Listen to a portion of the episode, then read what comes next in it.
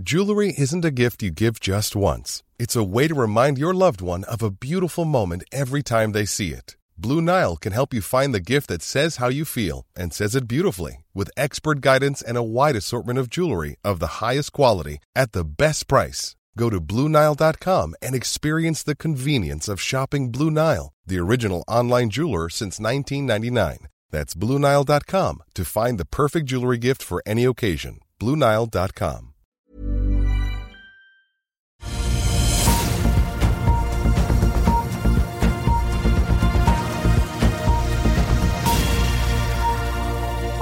En riktig god mandag morgen og velkommen til Børsmorgen her hos oss i Finansavisen. Mitt navn er Benedikte Storm Bamvik, og med meg har jeg aksjekommentator Karl Johan Molnes.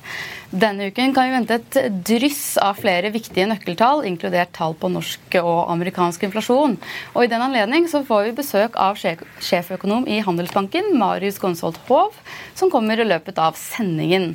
Men først skal vi ta et tilbakeblikk på forrige ukens hendelser, der hovedindeksen på Oslo Børs falt med 0,14% fredag. Og i dag så venter Nordnett-analytiker Roger Berntsen at Oslo Børs vil åpne opp nesten 1 når det gjelder Wall Street, så var det sterke jobbtall som førte til en snuoperasjon på fredag, der den amerikanske arbeidsmarkedsrapporten viste nesten dobbelt så stor sysselsettingsvekst enn ventet. Det førte også til at alle de tre hovedindeksene gikk fra rødt til grønt med stengetid. Eh, etter å ha vært eh, stengt siden slutten av september som følge av helligdager, har nå den kinesiske børsen nå åpnet opp igjen, og Shanghai Composite faller mandag morgen med 0,69% Samtidig er børsene i Japan, Hongkong og Sør-Korea stengt for dagen. Når det gjelder oljeprisen, så har Hamas' overraskende angrep på Israel i helgen gjort investorene nervøse, og det sender oljeprisen rett opp. Et fat nordsjøolje koster nå 87 dollar og 63 cent, opp 3,6% for dagen. I andre nyheter la Kid frem tall i dag der de meldte om en omsetning på 831 millioner kroner i tredje kvartal, sammenlignet med 741 millioner kroner samme kvartal året før. I tillegg har SSB kommet med ferske tall som viser at norsk BNP falt med 0,2% i august, målt i faste priser og justert for sesongeffekter. Varehandelen bidro mest til fallet, mens eh, forretningsmessig tjenesteyting og primærnæringene trakk også ned. Der tror jeg vi bare hopper rett i det, Karl Johan, med denne krigen. Eh, hva er det, altså Nå ser vi at oljeprisen stiger. Kan ikke du fortelle om litt driveffektene bak det her? Ja, President Benjamin Netanyahu i Israel har sagt at dette blir en lang og vanskelig krig. Det er det viktigste. Eh, og Det betyr at det som skjer i dag, er bare begynnelsen. Så Børsen i Israel var ned med 7 og eh, de har visst fått 8 milliarder dollar fra USA. Og Det er jo 1% av USAs forsvarsbudsjett, så det er jo ikke så mye for USA, men det er viktig for eh, Israel. Og eh, det vi eh, det alle kan jo se av kartet, er jo at det er jo mange fronter USA, nei, Israel må forsvare seg på. da. Så her, Dette er bare begynnelsen. Og, og Hvis vi ser over på USA, da, så, så obligasjonsrenten den er på 4,8 og, men obligasjonsmarkedet i USA er stengt i dag. Da. Det er eh, det som fører til Columbus Day. Det heter nå Indigenous eh, People's Day, altså urfolkets dag. Så fra han som erobra, til de som ble eh, erobret. Så vi får ikke noe svar på hvordan obligasjonsmarkedet i USA vil reagere på dette. Men men det er ikke forsvarsutgiftene alene som knekker USA. De, de, de har bare brukt 3% av forsvarsbudsjettet på å slåss mot Ukraina, og nå bruker de 1% mot Israel. Det er en store ubalansen i USAs økonomi den ligger der fra før med et forbruk på 7 trillioner dollar mot inntekter på 5 trillioner. Så det er helt andre ubalanser som ligger der. Det er ikke krigen alene som skaper dette, men det gir jo en god unnskyldning for å rebalansere og samle folket. Nettopp. Og så sier jo, eh, Det har jo allerede kommet et par analytikere som har uttalt seg, bl.a. i Bloomberg og CNBC. Eh, og de tror jo at disse hendelsene som vi har sett i helgen, har en tendens til bare å ha en kortsiktig innvirkning på markedet. Hva tror du? Ja, men Netanyahu sier at det blir en lang og vanskelig krig, så så stemmer jo ikke det. Det virker jo som at de har tenkt å bruke tid. Det bor jo to millioner mennesker i, i Gaza, og kanskje mer enn det også. Og eh, når, De har jo tenkt å utslette Hamas, eh, og det, da vil dette ta tid. Så det, det, Dette smitter jo ikke bare over på oljeprisen. altså Suezkanalen er jo like i nærheten. Hvis eh, de, hvis de to millioner menneskene blir sendt på flukt mot Egypt, så må jo det bare én vei å gå. Da. Det er jo over Suezkanalen med båt til Eh, til Egypt. Og, og, det vil jo skape kaos der nede. og skape kaos for skipstrafikken. Og da er jo den, eh, det er jo den drømmen til alle menn over 80 i Norge er jo at Suezkanalen skal stenge, og at eh, det, du skal få skyhøye rater. da. Og, så det er ikke bare oljeaksjene man må se på, man må også se på skipsaksjene. Nettopp. Så er det jo at Investorene det har de jo sagt at de er litt nervøse nå for hva skal skje videre. Hvordan tenker du i forhold til handlingsmoment nå? Det, det, er helt klart folk er nervøse, men nå, nå får vi se hvordan dette her går. da. Men, men eh, det er jo masse Hamas-soldater i Israel, så her blir det daglige nyheter eh, om denne krigen. og eh, ja, det er jo Israel trekte seg ut av Gaza i 2005. Det begynner å bli en del år siden. Nå er det helt tydelig at de vil inn igjen igjen, så får vi se hvor langt inn de vil. og De hadde krig i, i Sør-Libanon i 1982. og det kan jo hende det blir krig der også, og det kan bli, det kan bli opprør på, på Vestbredden. Det er veldig mange ting her som fortsatt skal spilles ut før dette er over. Og det er veldig tidlig, og Netanyahu igjen, dette blir en lang og vanskelig krig. Så uh, dette her kommer vi til å holde på med en stund, ja. Her er det jo bare å følge med videre på mulige daglige oppdateringer der. Eh, vi er da straks tilbake med sjeføkonom i Handelsbanken etter dette.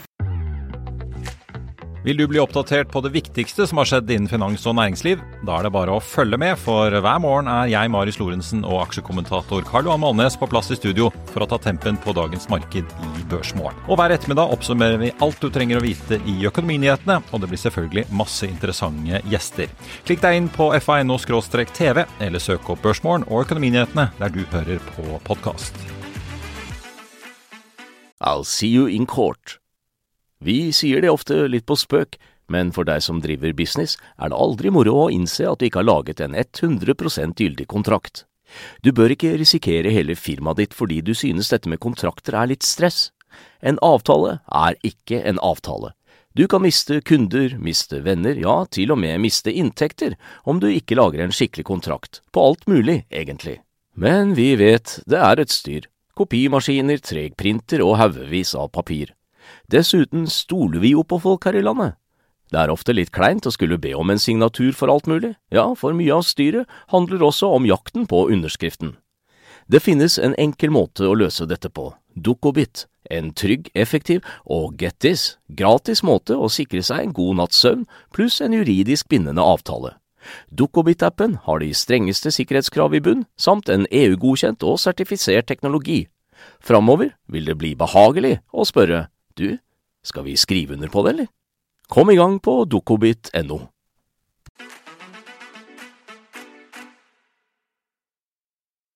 Da er handelsdagen i gang, og Oslo Børs starter da dagen med en oppgang på nesten 1,3 der, altså.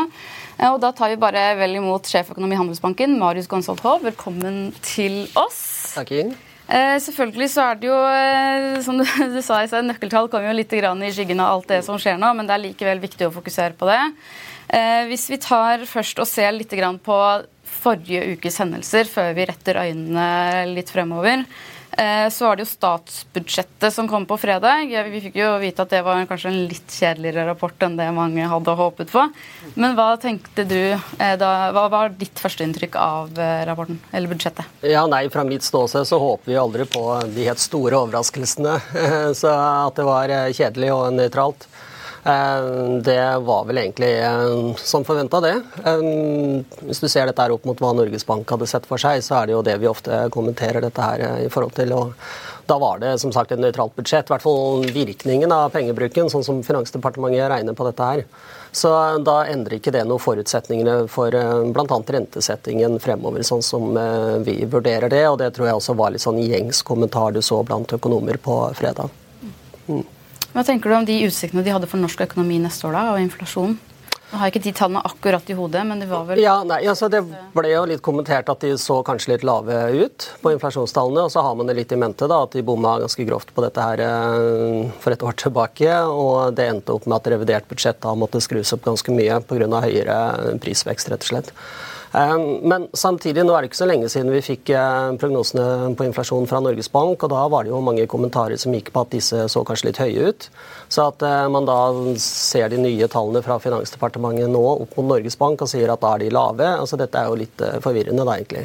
Jeg vil jo si at hvis du ser det opp mot konsensusforventning, andre økonomers forventninger og sånn nå, så, så er det ikke veldig stor avvik, vil jeg si, mellom hva Finansdepartementet venter og hva som generelt er forventa. Og så er jo dette er selvfølgelig svært usikkert. Så, så det at de bomma grovt eh, på prisveksten det siste året, er jo ikke noen garanti for at de kommer til å gjøre det samme en gang til. Mm. Mm. Forrige uke, på fredagen også, så ble jeg kanskje litt overskygget av statsbudsjettet på eh, alle sider, egentlig. Men det var jo også eh, denne non-fine payroll som kom fra USA, som også mm. er månedens viktigste tall, som mange omtaler det. Det viste jo dobbelt så stor sysselsettingsvekst enn ventet. Mm. Hva tenker du om eh, de tallene? Det ble, ble skapt altså 336 000 nye stillinger utenfor landbruket i USA. Hvorfor mm. kom det her som et, uh, overraskelse? en overraskelse? Jeg tror, altså Overraskelsen ble nok litt ekstra stor på fredag, fordi vi hadde jo fått den separate målingen fra ADP eh, i forkant, eh, som er en, ja, rett og slett en separat måling av eh, sysselsettingen i privat sektor den havna jo langt under eh, forventning, så jeg tror nok at det vi kan kalle skyggeestimatet, da, altså litt sånn forventningene helt inn mot uh, payrolls, var nok enda lavere enn det du kunne lese ut av konsensusestimatene. Men så vil jeg samtidig si det at det, eh, det var litt blanda signaler som vi fikk fra det amerikanske arbeidsmarkedet sist uke. Denne såkalte Jolts-rapporten som vi også fikk, viste jo at beholdningen av ledige stillinger hadde tatt seg overraskende opp. Og eh, Ser du dette her da i sammenheng med um, faktiske sysselsettingstallene, så tyder jo det på at det fortsatt er veldig sterk etterspørsel etter arbeidskraft i uh, USA. Så det er klart det var litt usikkerhet inn mot uh, de tallene, fordi det hadde kommet litt sånn sprikende signaler. Eh, men eh, dette her er jo på en måte den beste fasiten vi har, og understreker jo det at eh, jobbveksten er fortsatt veldig sterk. Altså. I tillegg til de tallene du nevnte, så ble jo også jobbveksten i de to foregående månedene revidert ganske kraftig opp. Så, så netto så var det en solid oppsideoverraskelse. Mm. Så også at Arbeidsledighetsraten i september ble oppgitt til å være 3,8 mm. Den var ventet til å synke, var den ikke det? Mm. Dette er jo to separate undersøkelser, så, så vi kan si at det er jo eh, De tallene der er, eh, de, de er litt mer volatile. Jeg tror nok markedet fester seg litt mer med liksom de harde sysselsettingstallene, da, som er innrapporterte lønnsslipper, for å si det enkelt. Men, eh, men, det er klart at eh, ut ifra den veksten vi ser i sysselsettingen nå, så, så vil jo ledigheten også fortsatt holde seg eh, rundt lave nivåer. Det at den var uforandra nå, det er jo på et nivå som er fortsatt veldig lavt da, i en historisk kontekst. Samtidig så illustrerer det at det var jo også litt blanda rapport. Jobbveksten svært sterk, men ledigheten da uforandra. Og samtidig så var altså timelønnsveksten på den moderate siden. Så, så, det er jo noe som gjør at eh, kanskje den der middelbare umiddelbare lønns- og inflasjonsfrykten da, som man kanskje fikk med en gang man så disse kjempesterke jobbveksttallene, dempa seg litt. Så, så, den reaksjonen du så da i rentemarkedet, var jo at det, ja, det flerra jo ganske kraftig opp eh, på rentesiden med en gang. Men, men så dempa liksom det verste utslaget seg litt eh, også. Og, så, så, så alt i alt en litt mer blanda rapport enn kanskje bare hva du kan lese ut av disse jobbtallene. Men alt i alt da, fortsatt veldig sterkt arbeidsmarked i USA, og det holder helt klart eh, liv i spekulasjoner om det blir en renteøkning til eh, fra den amerikanske sentralbanken. Mm. Hva tenker du om det, da? Nei, altså eh, I våre prognoser så har vi sagt at rentetoppen i USA er nådd. Men det er ikke akkurat noe skuddsikker prognose, sånn som det er i dag. Det er klart at risikoen for at de hever en gang til, den er absolutt til stede. Så inn mot fredagen så var jo prisingen i rentemarkedet da hadde jo liksom tona den risikoen litt ned. Det eh, var nok særlig på bakgrunn av disse ADP-tallene, men nå er det opp igjen til en ca. 50-50 sannsynlighet for om det blir en, eh, en, heving eller ikke.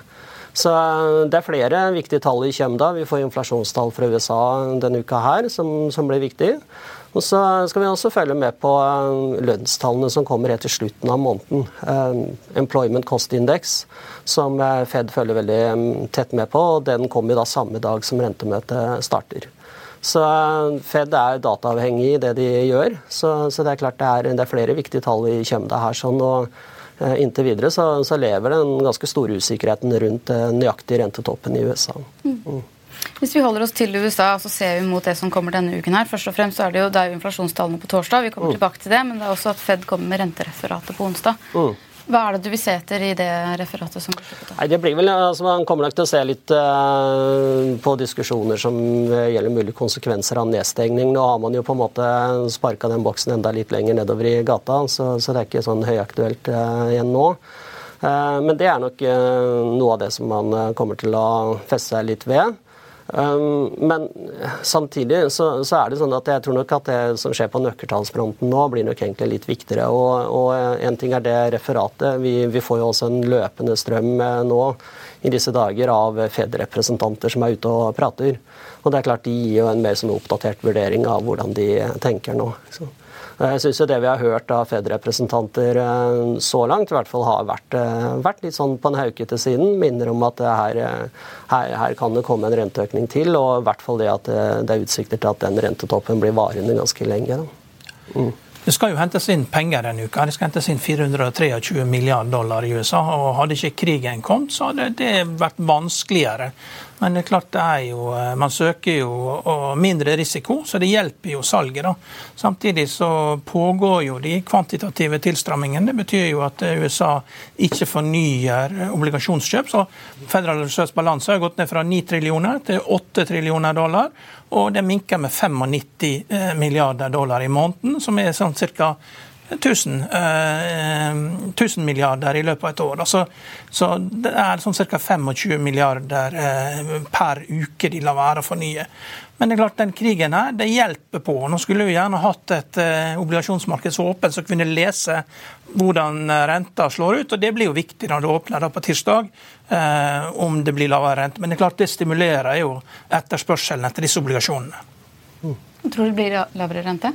Eh, dette stimulerer eh, Det vet man ikke. Det er, det er jo eh, nå har man jo ikke engang en sittende kongress, og det, på et eller annet tidspunkt så blir det lavere rente, men, men, men, det er jo sånn at alle, alle marked der du ser det Eiffeltårn, det begynner å se ut som Eiffeltårn, så vet du aldri hvor høyt det går før det snur. Men det du vet, er at når det snur, så går det like bratt ned igjen som det har gått opp. Så jeg vet ikke hvor dette stopper, for det har brutt liksom tekniske nivå på 4,75. Og da er liksom neste stopp 5,25. Og det følger liksom teknisk algoritmehandel, og de kommer til å kjøre dette her opp eh, helt til det møter sterk etterspørsel. Og du har ikke kjøperobligasjoner. Kina kjøper ikke, Japan kjøper ikke, USA kjøper kjøper ikke. Da må du få eh, private til å komme inn, da, eller andre aktører. Oljefondet kjøper helt sikkert en del obligasjoner, men det er ikke nok alene. Vi er ikke så store at vi kan eh, finansiere den amerikanske regjeringen, liksom. Nei, det stemmer nok det. Ja. Men hvis vi ser da på inflasjonen, for jo, inflasjonstallene de kommer på torsdag, ikke sant? Ja. Eh, eh hva, er du, hva, er det dere tenker på det, rundt det tallet der? Hva er prognosene dere har? Nei, altså Det er jo venta at årsveksten i både totalinflasjon og kjerneinflasjon har tatt seg litt videre enn den. Men eh, samtidig så er det jo venta at eh, månedsveksten, eh, som, som, jeg følger mye mer med på nå, enn disse årsratene, for de er jo mye bestemt av dit man har kommet eh, på nivå. Eh, men, men, hvis du ser på månedsveksten i kjerneprisene, så er det venta at den vil være fortsatt ganske sterk, på 0,3 Eh, og hvis dette her slår til, så, så kan du regne det baklengs da, til hva dette her innebærer av årsvekst videre fremover. Når alle baseeffekter og sånn er ute. Og over de siste tre månedene da, så, så er det rundt 3% årlig vekst i kjerneinflasjonen, som, som det momentumet forteller. Så, så, det er klart at uh, i så fall så, så, innebærer jo det at ja, inflasjonen har jo kommet seg veldig mye ned fra de ekstreme toppene vi så, men fortsatt et uh, inflasjonstrykk som er, uh, som er klart sterkere enn det som er forenlig med målet. da. Og, og, det her er særlig vi, derfor vi er opptatt av lønnsveksten i USA og bedriftenes prisingsmakt i den situasjonen her også.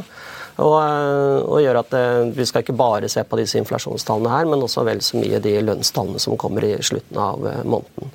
For jeg tror det er eh, Sånn som vi, vi ser det nå, så, så, er det klart at vi har fått totalinflasjonen og kjerneinflasjonen mye ned fra topp, som sagt.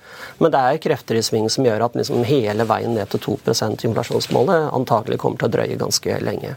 Og Det er jo bakgrunnen for eh, at man er usikker rundt nøyaktig rentetopp i USA, men, men også at det ser ut til at den toppen da drar seg stadig mer ut i tid. Mm. Men eh, hvor mye skal til for at det faktisk blir eh, større, altså lavere inflasjon enn det man venter? At det ikke er så svak utvikling? Nei, det er klart, altså, mm, Se opp for månedsveksten i kjerneprisene. Hvis den faller liksom under forventning, og, og, særlig hvis du ser det blant de litt sånn, det vi kaller liksom stivere priskategorier da, på tjenestesiden, så vil jo det også være et, et godt tegn. Men eh, så har vi samtidig sett før at eh, Fed de har ikke blitt eh, beroliget av at de faktiske inflasjonstallene nødvendigvis har kommet inn på lave siden av forventningene. For Hvis de ser at det fortsatt er en inflasjonsdynamikk i økonomien via lønnsdannelsen, via prisingsmakten til selskapene, så, tenker de heller et steg frem, og ikke hva gårsdagens inflasjonstall viste. Men alt annet likt, altså, så vil det jo hjelpe på, eh, på kall det rentefrykten hvis vi får eh, lavere kjerneinflasjon enn det som er venta. Mm. Hvis vi fortsatt holder oss litt på USA, så er det jo den eh, tiåringen. Mm. Det er jo det mange følger med på nå. Den ligger jo på ganske høye nivåer. 4,73 tror jeg det var sist, sist jeg sjekket. Eh, hvorfor er det så viktig å følge med på den nå? Nei, altså det er, eh, det er man, Nå har vi snakka mye om liksom det helt korte rentebildet og litt sånn usikkerhet rundt Fed. Men, men, det er jo nettopp da disse lange rentene som du sier, som har steget. Og det er jo steget også enda utover den horisonten på ti år. da. Og, eh, og, samtidig, hvis du da ser på eh, hva markedet priser inflasjonsforventninger på lengre sikt, altså da snakker vi tiårshorisont, så, så ligger de forventningene ganske nære inflasjonsmålet. Så det betyr at eh, her er det rett og slett en kraftig oppgang i realrenten, da, den forventa realrenten i en lang horisont, som, som preger dette markedet her. Sånn, og det, det har jo en helt klart eh, innstrammende effekt. Vi så jo det også sist uke, at eh, den implisitte realrenten da, på tiårshorisont den tok seg jo et, et godt steg opp eh, også sist uke. Så en ganske klar reprising der. Og, og fra en situasjon da under pandemien, kjølvannet av pandemien, hvor realrenta var jo sterkt negativ, til at dette har bråvendt igjen. Så, så, så, med tanke på en del sånn verdifastsettelse og sånn, så er jo dette her en helt klart utfordring. Og Det ser vi her hjemme også. altså Den langrenteutviklingen her hjemme speiler jo den internasjonale utviklingen. Så, og da er det jo nettopp da sånn høy, høy, realrente, da. Så rett og slett prisen på penger, som, som har gått kraftig opp. Mm. Hva tenker du, Karl Johan? Nei, Det er eh, det, er det, det, det som har skjedd. og eh, nå er det, det er ett håp for å få ned renta. Det er at det blir en nedgangskonjunktur. Da stuper inflasjonen, og da stuper renta. Og eh, sånn som oljepris, oljeprisen går, og det blir eh, mer eh, krig og elendighet, så, så kan det komme til å skje ganske fort. Men det er klart, så lenge USA pøser på med penger og har en krigsøkonomi, så stimulerer jo det etterspørselen og skaper arbeidsplasser og holder dette gående. Men det går jo utover privatfolk. da. Det blir høye renter, og blir det høye renter, så er det mindre penger til forbruk. Så, så man kan jo si at jo, konjunkturen er bra, men folk har jo ikke det bra når det at du blir crowded out av uh, kjøp av ammunisjon og kjøp av våpen. og Det skjer jo i Norge også. Og mens det tidligere var et kjempeproblem at pensjonistene skulle få 3 milliarder kroner ekstra fordi økonomien ikke tålte det, så, så er det 5 milliarder til ammunisjonsfabrikker og kostnadsoverskridelser på FPSO-er på 10-20 milliarder kroner. Altså, det er... Eh, eh, vi merker dette når det brukes penger på dyrt kapitalutstyr, så merkes det for resten av økonomien. Selv om at dette ikke var intensjonen da når man planla budsjettene. Mm. Hvis vi ser litt mer mot eh, Norge, da, for allerede i dag så har det jo kommet nye tall fra SSB.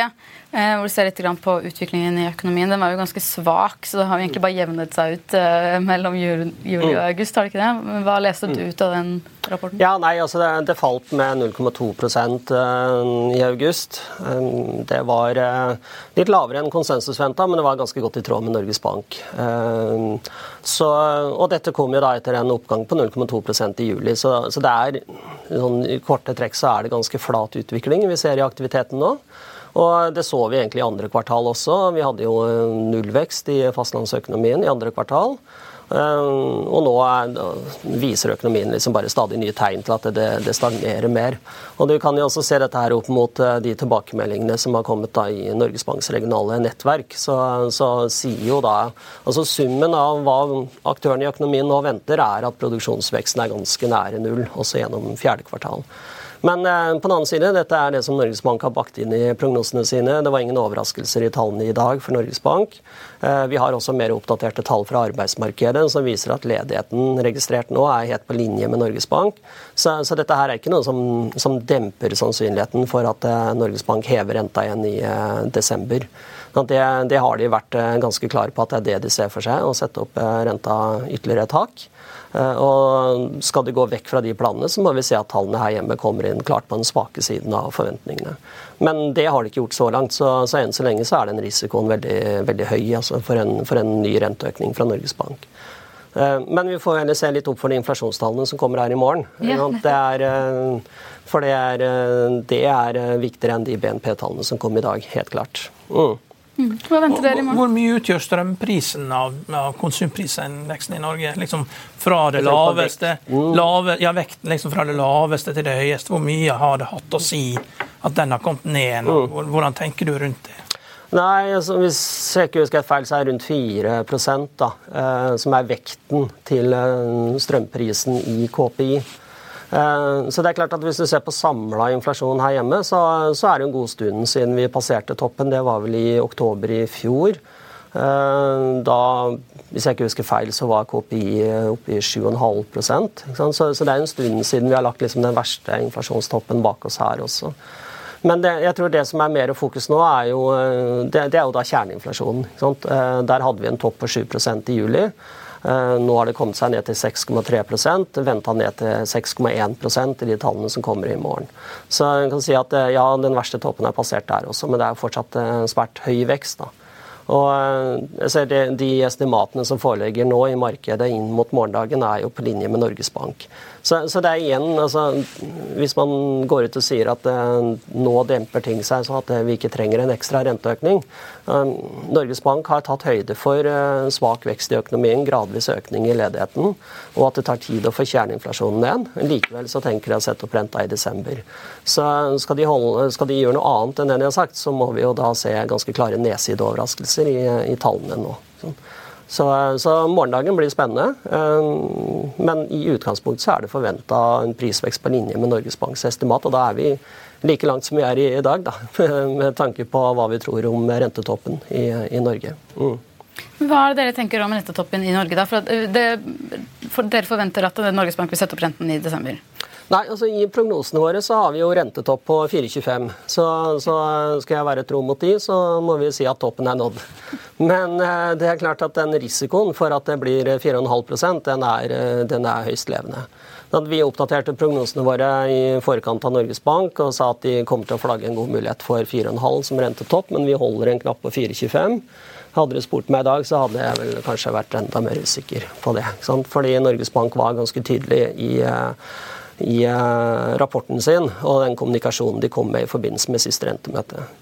Hvis du regner litt sånn detalj på rentebanen, så er det 78% sannsynlighet for, eh, for, en heving til 4,5% i desember. Da skal det litt til for at dette her tas helt, eh, helt vekk. Altså. Så, ja. så det går litt imot strømmen der, da? Hvem? deres? Hvis dere forventer at de ikke skal sette opp renten? Ja, jeg tror det er ganske mange som egentlig har offisiell prognose om rentetopp på 4,25. Okay. Ja, eh, Det er i hvert fall det inntrykket jeg har. Men, eh, men, så, men, alle har jo da fått meldingen fra Norges Bank i etterkant. Så, så derfor eh, er jo den usikkerheten den samme for alle. Mm. Hvor, tror, hvor, lenge tror du man vil ligge på rentetoppene? Hvor lang tid skal det gå før ja. Norges Bank altså, styrer mm. Altså, Norges Bank kommer helt klart ikke til å være de første som begynner å sette renta ned igjen. Eh, de har brent seg før på å ha en for stor rentedifferanse mot utlandet, og dermed noe som setter press på kronekursen. Det så vi jo senest nå i sommer. Men eh, og de, de, sier jo også at renta forventes å bli liggende rundt 4,5% gjennom hele neste år. Så jeg tror vi først må se at Fed, eh, Fed må gå først, kutte renta. Jeg tror ECB kommer etter det, og så kommer Norges Bank i så fall etter det igjen. Så eh, hvis du tenker at USA ikke kutter renta før i midten av neste år, og ECB mer mot høsten, så er det klart da, da går neste år mer eller mindre før Norges Bank da begynner å sette renta ned igjen. Eh, det er i hvert fall litt sånn vi tenker rundt dette her, og, og det var de jo Ja, hvis du ser på prognosene til Norges Bank, så, så har ikke de noen rentekuttplaner i løpet av det kommende året. Mm. Eh, vi begynner å nærme oss eh, at vi må runde av, Marius. Men er det noe du har lyst til å spørre om, Karl Jeg tror jeg har fått svar på det meste nå. Ikke sant? Det ja. føler jeg også. Så da tenker jeg at vi setter en strek der. Tusen takk for at du kom, Marius. Da blir det veldig spennende å følge med både i morgen og mm. på torsdag på inflasjonstallene. Mm. Før vi runder av dagens sending skal vi ta en kjapp titt på andre nyheter. I dagens avis så skriver Finansavisen om stjerneforvalter Marius Borten som rigger seg for børskrakk og dumper aksjer. Han har ikke vært så negativ til markedet siden før koronakrakket i 2020. og Det ser jo da preger forsiden av Finansavisen i dag. Du kan også lese om Knut Flakk, milliardær og leder av Flakk-gruppen, som reagerer på at regjeringen ikke foreslår noen lettelser i formuesskatten på arbeidende kapital i statsbudsjettet for 2024. Dette og mye mye mer kan du lese om på fa.no, der du også vil få siste nytt gjennom hele dagen. Ha en riktig god dag videre, og takk for nå.